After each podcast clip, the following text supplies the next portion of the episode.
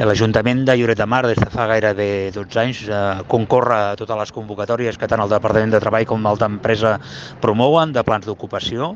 Això té a veure tant amb la necessitat de comptar amb més recursos humans, perquè certament estem mancats de, de personal, pel fet que aquest ve finançat eh, en la seva major part per part de la Generalitat de Catalunya i per part de l'Ajuntament amb un import bastant inferior i també pel fet que el seu dia per part del govern eh, del Partit Popular es va aprovar la llei l'Arsal,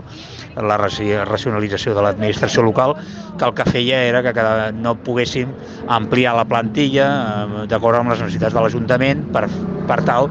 de minorar la despesa, en aquest cas de, de l'administració local. En aquest cas, doncs, el que s'ha obert és una línia de contractació de fins a 8 persones, 4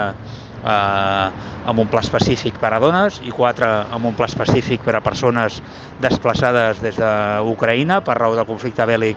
en aquest cas eh, que ha esdevingut per la invasió per part de la Federació Russa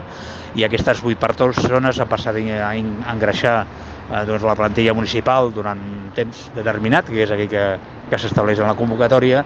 i doncs, prestaran els seus serveis doncs, eh, tant en departaments estrictament administratius com a la pròpia brigada, doncs, on no anem sobrats d'efectius i, per tant, doncs, lògicament satisfets pel fet de que, que cada vegada que concorrem eh, cada vegada eh, tenim una resposta més satisfactòria per part de la Generalitat de Catalunya perquè entenen que els projectes que presenten els diferents departaments de l'Ajuntament són òptims, no només pel, eh, pel benefici públic, que redunda